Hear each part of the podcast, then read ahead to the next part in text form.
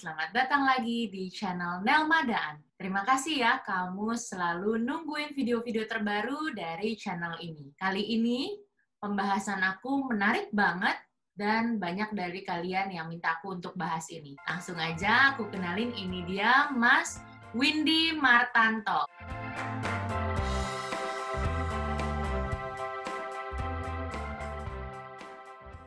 Halo Mas Windy. halo halo, terima kasih udah diundang di channel YouTube-nya. Terima kasih banyak aku juga Mas Windy udah meluangkan waktunya, udah mau berbagi cerita buat aku sama teman-teman di sini ya Mas. Sama-sama. Mas Windy, sekarang uh, Mas Windy posisinya ada di Jerman uh, Selatan ya, dekat perbatasan Swiss. Nah, ini kan ya. uh, di Jerman ini teman-teman banyak sekali ya Mas yang mau tahu caranya untuk bagaimana bisa kuliah di luar negeri, pergi ke luar negeri, kerja di luar negeri gitu. Nah ini kebetulan di Jerman ada program yang uh, cukup menarik buat dibahas, cukup dicari juga sama teman-teman.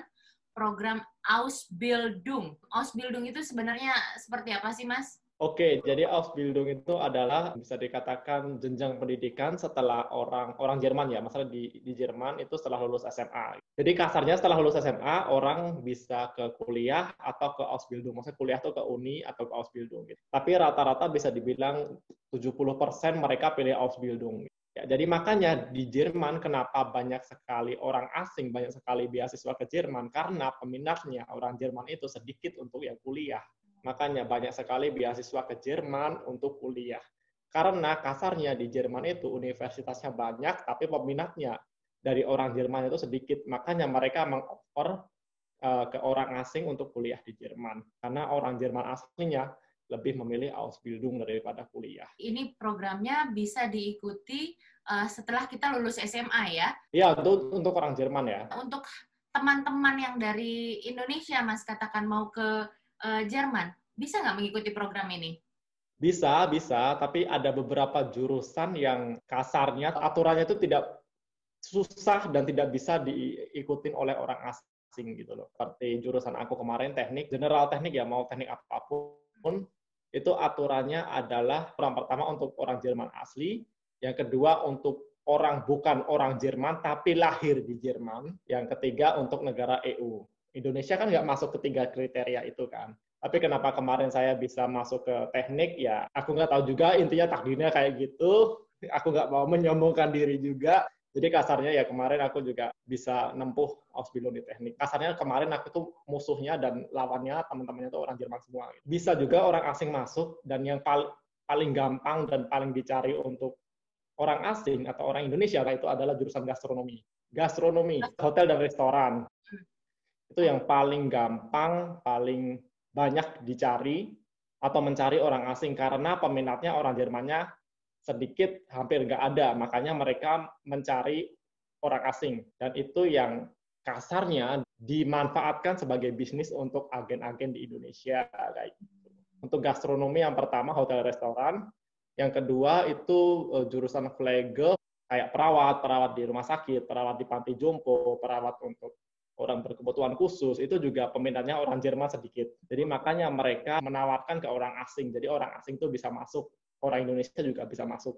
Negara ketiga lah, negara Asia lah bisa kayak gitu. Selain itu agak susah karena faktor bahasa juga. Karena bahasa Jerman itu susah. Mostly memang pakai bahasa Jerman ya, Mas? Nggak ada bahasa Inggris ya untuk uh, pelajarannya? Kasarnya gini, dulu waktu aku awal di Jerman juga dibilang kayak gitu kan. Ya kamu kan tinggal di Jerman, ya kamu harus mau nggak mau pakai bahasa Jerman. Kalau mau pakai bahasa Inggris, silahkan pergi ke Amerika, silahkan pergi ke UK, silahkan pergi ke Australia yang memakai bahasa Inggris. Jadi bahasa Inggris nggak berlaku di Jerman. Jadi memang harus menguasai betul ya bahasa bahasa dulu kuncinya yang harus disiapkan ya. Ya, kuncinya adalah bahasa dan bahasa Jerman itu nggak mudah. Intinya di bahasa pertama. Program dari si Ausbildung ini, porsinya apakah ini full teori atau ada prakteknya? Ausbildung itu bisa dibilang 60% praktek, terus 40% itu sekolah. Jadi sistemnya itu ter terintegrasi ya. Jadi kita ngedaf jadi ngedaftarnya bukan ke sekolah, ngedaftarnya ke perusahaan. Jadi perusahaan itu yang membuka lowongan Ausbildung. Ada lowongan Ausbildung di perusahaan A, kita ngedaftar dan diterima secara otomatis udah terintegrasi dengan sekolahnya gitu loh. Jadi kita nggak perlu nyari sekolahnya lagi. Ada beberapa yang nyari sendiri sekolahnya, tapi itu jurusan sendiri, uh, tapi itu jarang sekali, tapi biasanya semua udah terintegrasi. Jadi kita ngelamarnya ke perusahaannya, bukan ke sekolahnya. Jadi kita bekerja di perusahaan itu, hmm. terus kita kita juga dapat gaji, terus tapi nanti uh, misalkan ada yang sistemnya seminggu sekali, misalkan uh, empat hari kan biasanya kerjanya Senin sampai Jumat, empat hari itu kerja, satu hari sekolah bisa kayak gitu. Atau ada juga yang namanya blok unterricht. Blok unterricht itu kayak misalkan tiga bulan kerja, satu bulan sekolah, kayak gitu juga ada. Tergantung bidangnya masing-masing kayak gitu. Kalau dulu saya, misalkan seminggu ini empat hari saya kerja, satu hari sekolah, minggu depan tiga hari sekolah, tiga hari kerja, dua hari sekolah. Jadi per per dua minggu ada dua kali uh, yang seminggu dua kali kayak gitu. Jadi macam-macam tergantung jurusan masing-masing. Programnya nih nggak ada di Indonesia ya, memang nggak bisa dibandingkan ini seperti magang, ini seperti diploma, nggak bisa ya Mas ya? Nggak bisa, ini bukan magang, ini bukan diploma. Dan karena ini, ya emang, oh, ya? karena agen itu, agen selalu bilang ini seperti diploma, karena kebanyakan kan seperti aku bilang tadi kan, uh, yang banyak dicari oleh orang asing itu adalah jurusan gastronomi, dan itu dijadikan bisnis oleh agen. Hmm. Dan gastronomi itu kan hotel restoran, gastronomi itu Ausbildungnya selama tiga tahun dan agen berasumsinya biar gampang, tiga tahun itu seperti diploma. Orang image-nya Ausbildung itu diploma, padahal enggak. Gitu loh. Padahal Ausbildung itu macam-macam. Dan teknik aja aku kemarin tiga setengah tahun, militer empat eh, lima tahun, teknik gigi empat tahun. Apakah ada uh, uh, diploma yang lima tahun? Enggak ada kan gitu loh. Nah, karena agen biar gampang orang Indonesia memahami, agen-agen itu Ausbildung itu adalah diploma. Jurusannya yang mereka yang hanya bisa mereka tawarkan kan gastronomi, hotel, restoran, dan juga perawat kan. Dan itu hanya tiga tahun. Mereka memahaminya untuk orang Indonesia, Ausbildung itu diploma. Padahal di, di Jerman nggak ada diploma. Setelah mereka selesai, nanti mereka dapat dapat gelar nggak? Ya gelarnya gelar Ausbildung. Oh, gelarnya gelar Ausbildung. Dan itu diakui di seluruh uh, negara Jerman? Negara Jerman pasti. Negara Jerman dan EU. Kalau di Indonesia nggak diakui loh ya. Inggris nggak masuk EU loh ya. Ketika kita mau daftar Ausbildung, kan, uh, dari perusahaan yang membutuhkan uh, pekerja, mereka membuka program Ausbildung ini. Berarti hmm. dengan sistem uh, dengan sistemnya kita mengikuti program ini 60% praktek dan 40% sekolah, kita dapat gaji nggak? Dapat gaji dong. Karena hmm. kan maksudnya gini, segala macam yang kita lakukan di Jerman itu kasarnya tenaga yang kita keluarkan itu dihargai gitu loh. Jadi nggak cuma-cuma. Apalagi kita kan kerja di perusahaan itu kan gitu loh. Walaupun kasarnya cuma 60 persen, tetap aja kita juga kerja kan. Nggak ada namanya perbudakan gitu kan. Kalau kita kerja tanpa digaji kan perbudakan sama aja kan. Di Jerman nggak berlaku gitu loh. Di Jerman tuh apa pun, sekecil apa pun yang kamu lakukan itu pasti dihargai. Ausbildung pun dapat gaji gitu. Dan gajinya berapa tergantung jurusan masing-masing beda-beda. Untuk Ausbildung gaji terendah, paling rendah itu adalah jurusan freezer. Freezer itu uh, di salon, potong rambut. Okay. Itu paling rendah gajinya. Jadi jangan jangan ambil itu kalau pengen cari duit kasarnya kayak gitu. Jadi setiap pekerjaan di Jerman itu ada Ausbildungnya, wajib ada Ausbildungnya. Kasarnya kamu cuman ke salon atau potong rambut atau kamu nganter jadi tukang pos itu ada Ausbildungnya. Jadi tukang bangunan ada Ausbildungnya. Coba di Indonesia. Enggak kan? Maksudnya ya secara gampang itu maksudnya pekerjaan kayak gitu kan kasarnya status sosialnya masih tertera gitu loh. Kalau di sini enggak gitu loh. Semua pekerjaan sini sama rata dan semua butuh Ausbildung gitu loh. Pekerjaan apa pun. Tadi kayak misalnya Mas bilang uh, kerja di salon gitu, tukang potong rambut. Ini maksudnya Ausbildungnya ini untuk kalau kamu mau jadi caster yang potong rambut atau kalau kamu mau buka salon? Ya kalau jadi mau kerja jadi potong rambut, tukang potong rambutnya. Oh, pendidikannya iya. tiga tahun? Iya, makanya itu jangan main-main kalau ke Jerman. Jadi tukang pos, cuma ngantar pos doang, itu ada Ausbildungnya. Ngantar pos doang loh. Maksudnya kan kasarnya kesannya kan cuma ya. ngantar pos doang gampang kan. Tapi kan di Jerman enggak, di semua harus ada skillnya gitu loh. Semua harus dipelajari, ada edukasinya. Wow. Tukang bangunan cuma masang-masang batu bata dan lain sebagainya, ngaduk semen dan lain sebagainya. Itu ada Ausbildungnya. Jadi nggak bisa asal kita. Eh, pekerjaan-pekerjaan kecil pun memang harus uh, ada pelatihannya ya. Mas Windy, jadi misalnya aku mau udah udah udah ikut pelatihan untuk jadi uh, to, potong rambut gitu ya. Kan ini mm -hmm. waktunya panjang. Kalau mm -hmm. misalnya di pertengahan jalan uh, kiranya aku mau pilih jurusan lain, Itu memungkinkan nggak, Mas? Nah, gini, ada ada dua. Yang pertama, kalau kamu cari Ausbildungnya sendiri, kamu mau berhenti tengah jalan, misalnya kamu nggak cocok atau dikeluarkan, karena Ausbildung ada sistem DO-nya. Oh, gitu.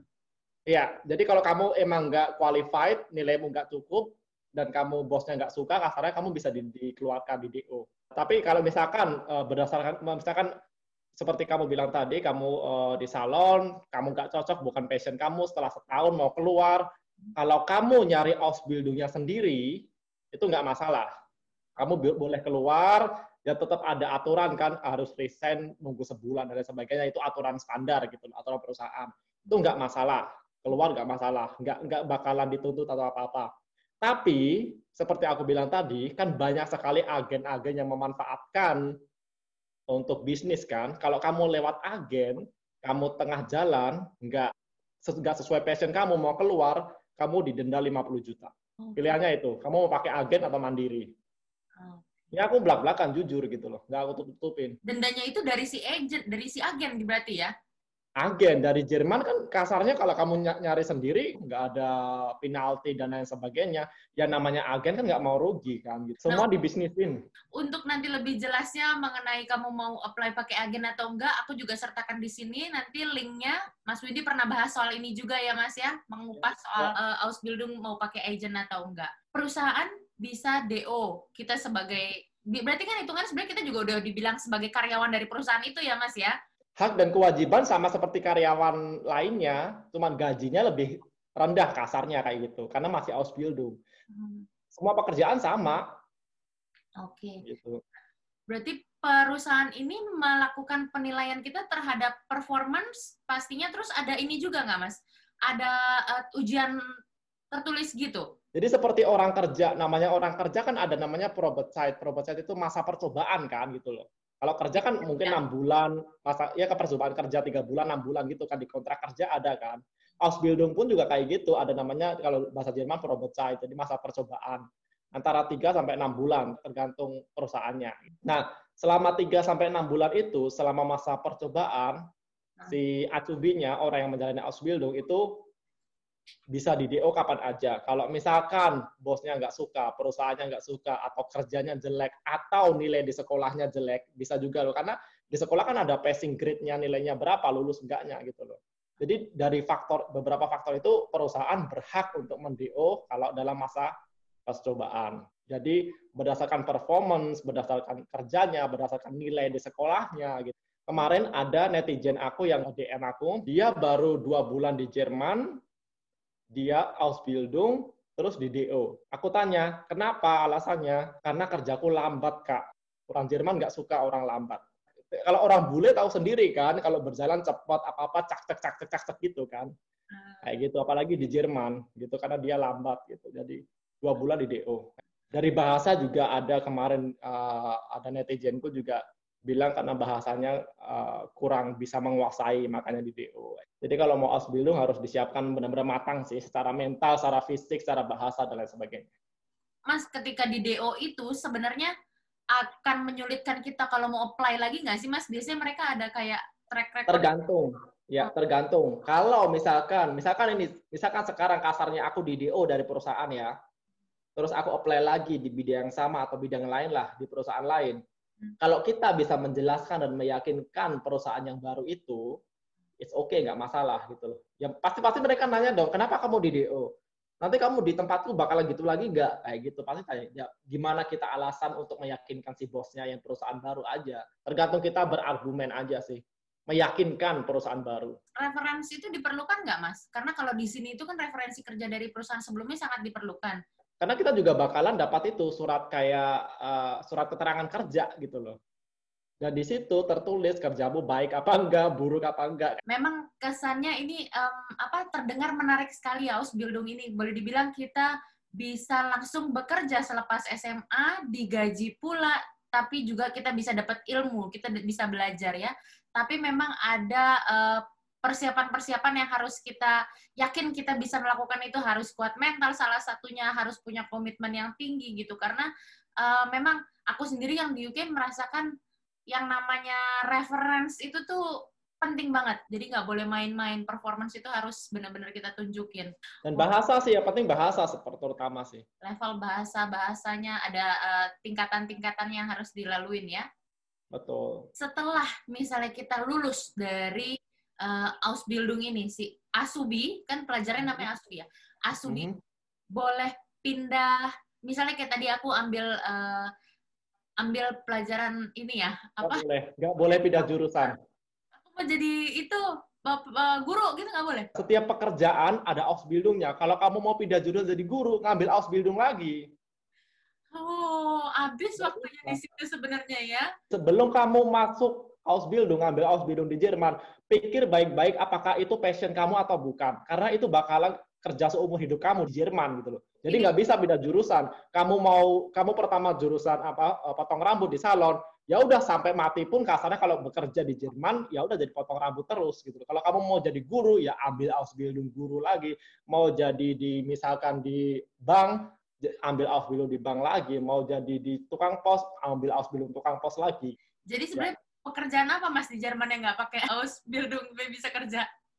Ya ada sih kasarnya kayak misalkan di fast food gitu, McD, KFC yang yang hanya kasarnya kayak part time terus ya oke okay, bisa full time juga tapi gajinya itu nggak standar Jerman. Jadi yang gaji standar Jerman kalau kita mempunyai lulusan Jerman, event itu Ausbildung atau kuliah gitu. Kalau udah punya dua lulusan ini bakalan aman di Jerman secara gaji dan juga izin tinggal. Misalnya uh, sama-sama kerja di McD lah gitu ya. Hmm. Sama-sama kerja di McD, aku nggak punya Ausbildung, gajiku per bulan misalkan satu juta. Hmm. Kamu kerja di McD sama kita sama uh, posisinya setara yeah. di McD ya. Hmm. Kamu udah menjalin Ausbildung gaji kamu 5 juta, aku cuma satu juta. Jauh ya mas, bedanya sejauh itu ya? Banget, banget, banget. Iya, iya, iya. Wow. Makanya ya. kadang kecemburuan sosial juga pasti ada gitu loh ya. Ya kalau kamu cemburu ya lakukan dong Ausbildung, buat dong Ausbildung gitu. Jangan cuma cemburu doang gitu loh. Pentingnya Ausbildung, lulusan Jerman kayak gitu. Ini programnya Ausbildung ini dibukanya uh, kapan, Mas? Tiap tahun kah? Ausbildung itu kan uh, pendidikan di Jerman kan. Jadi setiap tahun ajaran baru di Jerman itu adalah bu, uh, awal September, 1 September.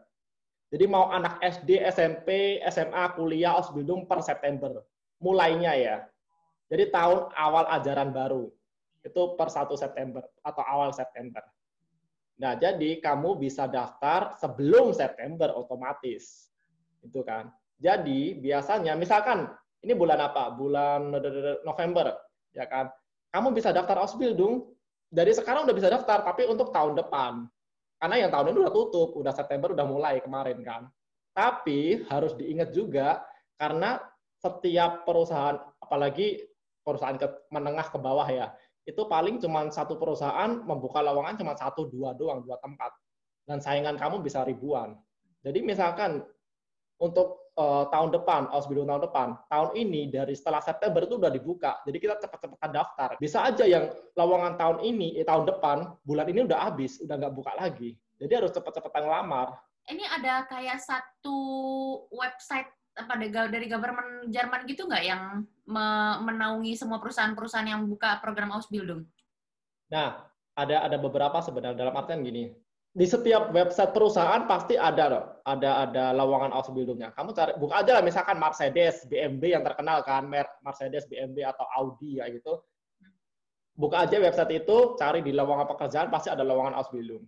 Atau misalkan di McD, itu pasti juga di Jerman ya, ada lowongan Ausbildung atau KFC, Burger King pasti ada. Di setiap website perusahaan pasti tertera lowongan Ausbildung. Tinggal apply di situ, tergantung bisa apply-nya online, ada online bewerben namanya, apply, uh, apply online atau bisa lewat pos. Dua itu atau kalau mau ada namanya websitenya ini www.ausbildung.de 80% lah semua jurusan Ausbildung dan perusahaan-perusahaan bisa dicari di situ. Tapi bahasanya bahasa Jerman. Jadi kalau belum bisa bahasa Jerman, bakalan nggak ngerti apa itu tulisan di situ di website itu. Makanya sebelum apply itu harus belajar bahasa Jerman karena nggak ada bahasa Inggrisnya. Mungkin nggak ya, misalnya aku dari Indonesia mau ke Jerman, mau ikut Ausbildung gitu ya. ada nggak satu sekolah bahasa dulu? Yang penting aku mau ke Jerman dulu, aku ikut sekolah bahasa, baru aku ikut Ausbildung. Ada sekolah bahasa banyak di sini. Bisa atau misalkan privat, eh, kursus privat atau sekarang kan dunia udah digital kan gitu Online privat kursus juga bisa gitu. Aku juga kebetulan ngajar bahasa Jerman juga, jadi kalau mau online sama aku ya silahkan. Ah, Tapi kelasku udah full. Ini argonya, argonya kayaknya berat nih. Enggak lah. Enggak harga-harga Indonesia kok. Oh, baiklah. Sejauh yang Mas Widi uh, alami ya, respon-respon perusahaan terhadap Azubi dari Indonesia itu gimana, Mas? ya macam-macam sih kan tiap orang kan beda-beda kan gitu loh. Nggak bisa nggak bisa kasarnya aku dibandingkan dengan orang lain gitu. Maksudnya kan tiap tiap kepala kan beda-beda kemampuannya gitu loh. Oh. jadi aku nggak bisa ngomong bagus apa enggak gitu loh tergantung. Balik lagi ke personal orang masing-masing ya. Iya nggak bisa dijudge. Satu orang Indonesia mewakili semua kan nggak bisa dijudge kayak gitu. Seperti pepatah. Nila setitik rusak susu sebelanga ada satu orang Indonesia jelek jelek semua namanya kasih tahu ke teman-teman Mas. Jadi manfaatnya ikut Ausbildung ini apa sih Mas? Semua pekerjaan kan butuh Ausbildung kalau di Jerman kan. Ausbildung atau kuliah lah kasarnya gitu. Apalagi Ausbildung itu lebih bukan lebih penting sih, lebih banyak diminati orang Jerman kasarnya gitu. Ya kalau kamu mau berkarya dan bekerja di Jerman dengan penghasilan Jerman, standar Jerman, ya udah ikut Ausbildung gitu. Tapi kalau kamu nggak punya mimpi ke Jerman, nggak mau kerja ke di Jerman, ya udah nggak usah ikut Ausbildung gitu. Tapi ya itu seperti aku bilang tadi bahasa bahasa bahasa karena bahasa Jerman itu emang susah gitu loh. Jadi kalau emang mau ke Jerman, mau Ausbildung, yang saran aku bahasa itu harus diperdalam lagi, seperfect mungkin lah gitu. Ya kalau punya mimpi ke Jerman, punya keinginan kerja di Jerman, berkarir di Jerman, ambillah Ausbildung karena itu awalnya emang susah, ya seperti pepatah berakit-rakit ke hulu, berdarang ke tepian. Kalau udah lulus Ausbildung, dijamin deh bakalan nggak ada beban jadi kalau emang punya mimpi pengen berkarya di Jerman, hajar Ausbildung. Jadi kalau mau apply Ausbildung ini, Mas, mendingan apply sendiri apa pakai agent? Semua orang beda-beda pendapatnya. Kalau aku tipikal orang yang menikmati proses. Okay. Kalau aku mending sendiri, biar aku tuh tahu tahap-tahapnya gimana. Orang sukses itu kan pasti bakalan melewat, melewat mulai dari nol kan gitu loh. Gak ada yang instan. Masak mie instan aja harus direbus harus nunggu berapa menit gitu loh. Kalau diurusin agen emang praktis, tapi kan juga harus bayar mahal kayak gitu. So, tapi semua balik ke individu masing-masing ya. Semua nggak bisa disamakan dengan aku atau dengan yang lainnya gitu. Mau pakai agen punya duit, monggo. Mau sendiri dan ngirit duit, silahkan. Aku nggak aku nggak pro kontra satu sama lain. Kalau aku pribadi, aku kemarin karena aku tipikal orang yang menikmati proses, aku ya sendiri gitu. Kalau mau pakai agen, punya duit, silahkan lebih praktis cuma duduk manis semua diurusin agen silahkan tapi resiko ditanggung penumpang. Uh, resiko apa maksudnya nih mas? Kan tadi Nela Mbak Nela udah dicantumin YouTube aku yang ngebahas ya. tentang agen silahkan ditonton itu. Kalau misalnya nanti teman-teman tanya susah apa enggak? Ya balik lagi. Relatif. Relatif betul. Balik lagi relatif ke kamu masing-masing. Mau repot apa enggak gitu ya mas ya? Oh. Iya. Wow tapi uh, intinya gini sih usaha itu tidak mengkhianati hasil. Apa pun sekecil usaha apa pun tidak mengkhianati hasil. Keep fighting aja gitu loh. Tuhan nggak tidur kok. Gusti boten sari. Tuhan tuh melihat apa usaha kamu kok gitu loh. Misalnya aku seorang profesional di Indonesia gitu ya, atau aku udah lulusan universitas ternama gitu, aku punya uh, skill di Indonesia, aku mau langsung apply, laku nggak ijazahku atau pengalamanku di Indonesia? Oke, okay. kalau bisa kayak gitu, aku dari dulu udah lakuin kayak gitu. Aku nggak perlu ikut Ausbildung lagi, nggak perlu kemarin au pair lagi, dan lain sebagainya. Aku nggak perlu ngabisin waktu bertahun-tahun dulu sebelum aku kerja ke Jerman. Oke, okay, mungkin bisa, bisa dapat kerja, bisa. Tapi seperti aku bilang tadi, apakah gajinya standar Jerman? Tidak. Bisa dapat kerja, bisa kerja, bisa. Tapi seperti analogi tadi, kerja di McD, yang lulusan Jerman berapa, yang nggak ada lulusan Jerman berapa. Dari um, budayanya di Jerman sendiri ya, Mas, ketika kita mau melakukan suatu, mau apply suatu pekerjaan, mereka melihat uh, mereka treat kita tuh equally nggak sih, Mas? Orang Jerman didulukan sebelum orang asing. Oh, Jerman itu kasarnya gini, bangga dengan budaya, bahasa, dan orang-orangnya. Iya. Bangga sekali. Mereka tuh benar-benar menjunjung tinggi budayanya, iya. menjunjung tinggi orang-orangnya gitu mereka gitu. bisa kan mas bahasa Inggris bisa kan? Nggak semua. Paling yang bisa bahasa Inggris yang pertama yang di kota-kota gede, maksudnya kayak Berlin, yang ibu kota lah Berlin, Hamburg. Frankfurt, München kayak gitu. Hmm. Tuh. Kalau yang tempatku, yang kota kota menengah ke bawah itu nggak bisa sama sekali. Terus yang kedua orang-orang yang mau open atau sering jalan-jalan ke luar negeri atau mungkin yang masih anak sekolah, masih SMP, SMA kan ada pelajaran bahasa Inggris itu bisa. Kalau selebihnya nul. Nasionalismenya kuat. Oh, kuat banget serius, serius kuat banget. Tapi oh. mereka juga respect gitu loh. Maksudnya gini, orang Jerman itu kan maksudnya demen banget minum bir kan. Bir itu udah kayak air putih gitu lah. Maksudnya kadang juga harga bir lebih murah dari air putih ada gitu loh. Maksudnya gini, aku sebagai orang asing kasarnya aku nggak minum bir. Yang mereka nggak nggak nyuruh nyuruh minum. Kalau emang aku nggak mau ya udah aku nggak mau titik gitu loh. Nggak dicekokin gitu loh kasarnya. Walaupun seperti yang dibilang tadi menjunjung tinggi nasionalisme dan semua kultur Jerman, tapi mereka nggak memaksakan kehendak gitu loh. Respect. Itu sih. Respect. Kan di perusahaanku yang waktu Ausbildung kemarin ya, di perusahaan waktu Ausbildung kemarin tuh semua orang Jerman, aku satu-satunya orang Asia, orang orang asing lah, orang Asia dan orang asing hmm. Satu-satunya. Terus ya udah uh, kalau Natal kan di sini ya kan di Jerman bukan negara Muslim kan. Hmm. Kan kalau Natal kan ada acara Natal gitu kan, bukan party sih kayak makan makan itulah makan bersama gitulah, kayak family gathering tapi untuk Natal gitu. Namanya Weihnachtsfeier gitu. Hmm. Dan aku aku kan aku vegetarian kan aku vegetarian, terus uh, nggak minum bir juga, nggak minum alkohol. Jadi sebelum acara itu, se seminggu sebelum acara itu, aku dipanggil bos aku kan.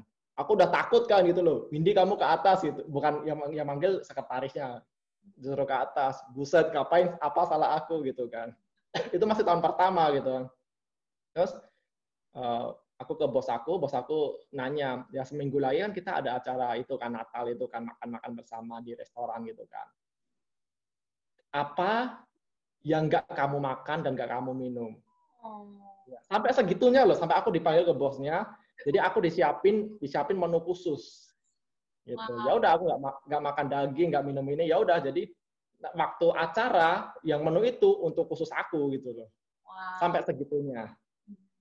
Dari dari hal yang kecil itu aku bisa menyimpulkan ya mereka tuh peduli banget gitu loh. Selain mental dan bahasa, apalagi sih yang mereka harus siapin nih kalau memang mereka mau ikut Mas? Intinya sih bahasa sama mental, tapi ya itu sih ketekunan sama kegigihan kita sih. Menghadapi culture shock gimana?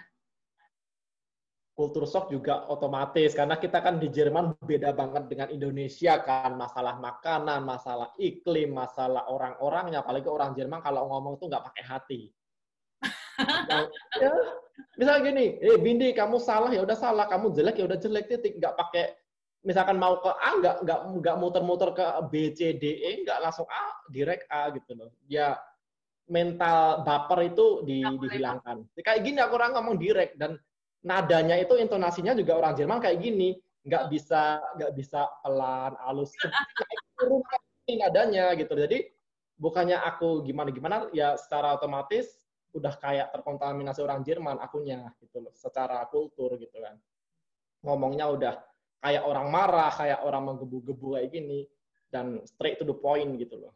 Ngomong jelek-jelek bagus-bagus iya iya enggak enggak gitu loh. Jadi gitu. nggak ada tuh mas uh, istilahnya kalau negor misalnya sorry I have to tell you this. Nggak ada ya kayak gitu ya. Misalnya nggak ada. nggak ada. Jarang jarang jarang jarang. Nggak ada tuh nggak ibaratnya mungkin eh, kalau kita bilang unggah ungguhnya kurang nggak pakai hati mereka seri nggak pakai hati ya sekarang makanya kalau mau tinggal di Jerman kalian juga harus nggak pakai hati juga kasarnya gitu loh. Ah, kalau enggak sakit hati sendiri kalian. Dulu awal-awal aku juga gitu. Gila aku dibilang jelek gila. Jelek dalam artian eh, itu ya apa uh, bukan bukan appearance bukan physically perform dan lain sebagainya. Aku dibilang nggak bisa kerja aku pokoknya serba salah lah tapi pikir-pikir tapi baiknya orang Jerman kamu misalkan mereka bilang Windy kamu salah kamu ini ini. Tapi mereka setelah itu ngasih tahu solusinya. Dan baiknya lagi mereka marah seketika itu juga. Lima menit kemudian mereka udah lupa. Emang benar ya mas? Kalau kita lihat dari uh, kita masih di Indonesia gitu kita lihat orang tinggal di luar negeri itu pasti enak. Gajinya gede gitu. Terus kan uh, ya udaranya enak nggak ada polusi gitu. Kayaknya semuanya tuh uh, frame-nya tuh indah aja bagus gitu. Stereotype. Iya, memang indah. Tapi teman-teman di luar negeri tuh hidupnya keras, gitu kan? Maksudnya semuanya harus kerjain sendiri. Makanya cukup bisa dipahami kenapa uh, orang-orang itu ngomong nggak pakai tendeng aling-aling. Ah, gitu. Nggak pakai tendeng aling-aling karena mereka juga banyak yang mesti dipikirin, nggak ada yang bantuin, semuanya ngerjain sendiri. Jadi maunya kalau bisa selesai saat itu ya saat itu diselesaikan. Ya Mas Windy, aku terima kasih banyak. Ini waktunya pencerahan buat aku pribadi dan teman-teman juga ini uh, mudah-mudahan bisa bermanfaat. Dan kalau misalnya mau tahu lebih banyak lagi seputar Ausbildung dan kehidupan di Jerman, bisa follow uh, YouTube-nya Mas Windy. Mas Windy jangan kapok ya Mas. Aku uh, nanti kemarin kita bahas satu um, pembahasan lagi. menarik. Uh, gitu nanti uh, aku mungkin Mas Windy lagi. Kalau gitu yang ini aku closing dulu. Terima kasih banyak. Mas Windy ada lagi yang mau disampaikan tentang pembahasan ini ke teman-teman? Ya intinya itu sih kalau mau ke Jerman atau mau ke luar negeri di mana kita ber apa berpijak di itu lagi dijunjung ya bahasa oh. bahasanya di mana pun kita berada kita harus mengikuti negara tersebut. Kalau kita mau ke Jerman ikuti budaya itu. Pelajari bahasanya pelajari kulturnya kita harus bisa menerima. Dalam artian oke okay, memilah-milah yang yang positif kita ambil, yang negatif kita buang gitu loh. Kita nggak bisa pakai budaya Indonesia di Jerman, nggak berlaku sama sekali. Begitu pula sebaliknya, aku nggak bisa pakai budaya Jerman di Indonesia, aku bakal dibenci orang. Jadi seperti kita harus ngelihat sikon di mana kita berada. Kita yang harus memantaskan diri ya Mas ya. Oh. Wah. Harus bisa adaptasi juga. Satu lagi, kita kalau mau tinggal di Jerman atau di luar negeri lah, harus bisa open minded. Jangan mengkotak-kotakan sesuatu berdasarkan sesuatu. Aku langsung mikir Oke, ini aku tutup dulu dong. Kalau gitu Mas Windy, terima kasih banyak. Teman-teman, terima kasih banyak. Semoga ini jadi manfaat. Dan uh, kalau kamu nggak sempat dengerin di YouTube, kamu bisa dengerin juga di Spotify channel Nelmadaan. Kalau gitu, sampai ketemu lagi di uh, pembahasan berikutnya. Assalamualaikum.